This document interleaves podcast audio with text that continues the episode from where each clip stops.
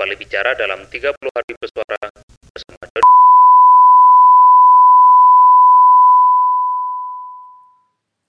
I just want to disappear. Not sometimes, but most of the time.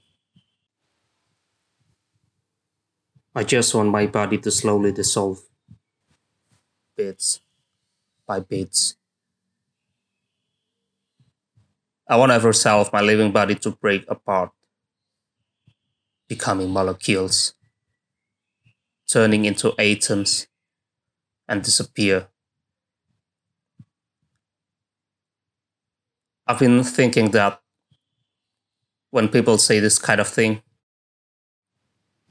they simply want to hide from the world, run from their lives, their problems, their reality, and so forth.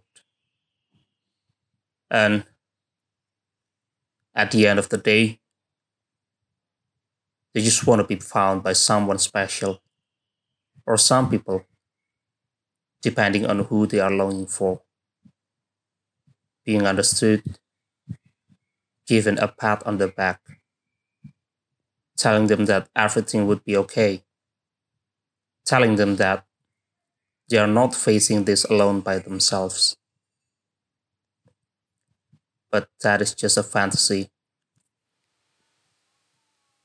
Sadly, life doesn't work that way people come and go.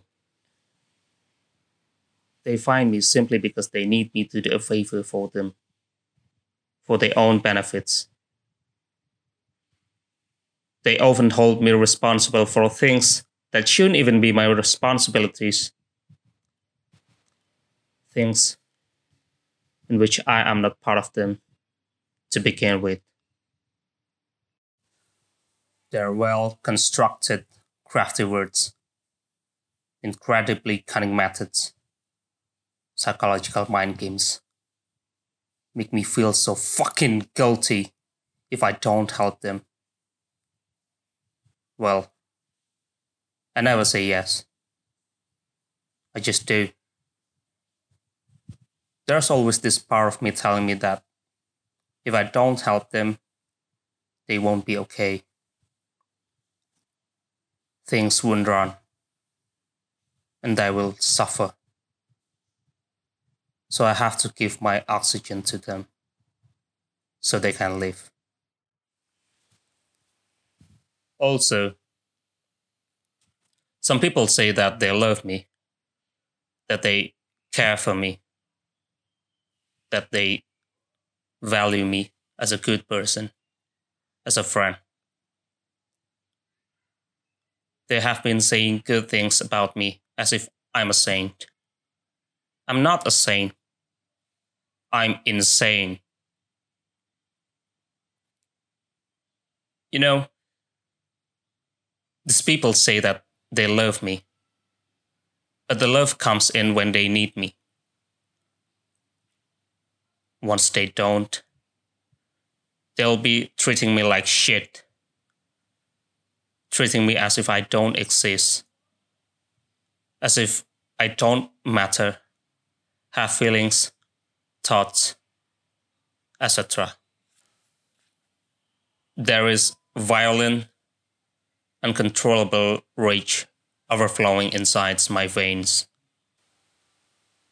But I'm never able to express it. All I can do is putting my best poker face.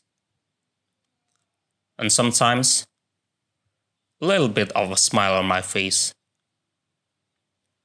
And then people will believe that I'm fine with everything that happens around me, that I'm okay.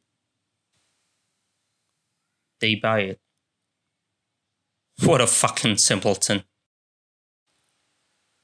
There is this powerlessness, a submission to the will of others, of life. and I can't do much about it besides locking myself inside my room.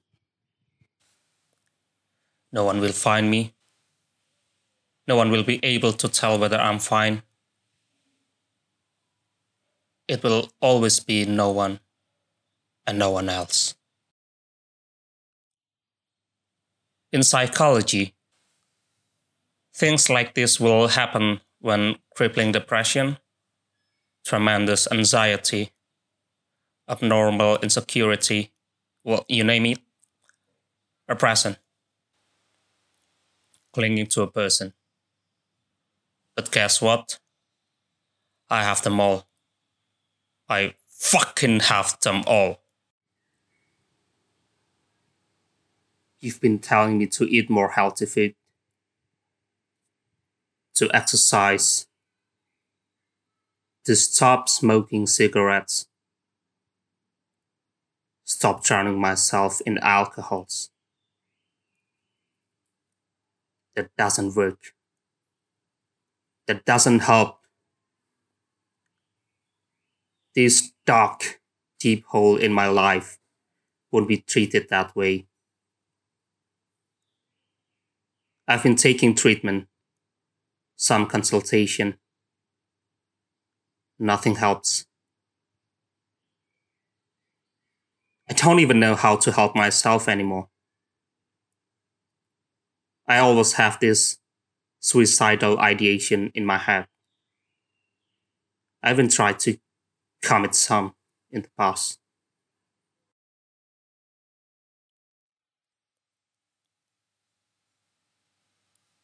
I'm not saying that I'm the person who has the most sufferings in the world. I'm not telling you that my life is more difficult than yours. I also don't ask for your sympathy. It's too late. Far too late. Everything has been part of me. And you're not the one to blame. There is this relatable quote from one of my favorite books American Psycho by Bret Easton Ellis. There are no more barriers to cross. All I have in common with the uncontrollable and the insane, the vicious and the evil, all the mayhem I have caused and my utter indifference toward it. I have now surpassed. I still, though, hold on to one single bleak truth. No one is safe. Nothing is redeemed. Yet, I am blameless each model of human behavior must be assumed to have some validity. Is evil something you are? Or is it something you do? My pain is constant and sharp, and I do not hope for a better world for anyone. In fact, I want my pain to be inflicted on others I want no one to escape.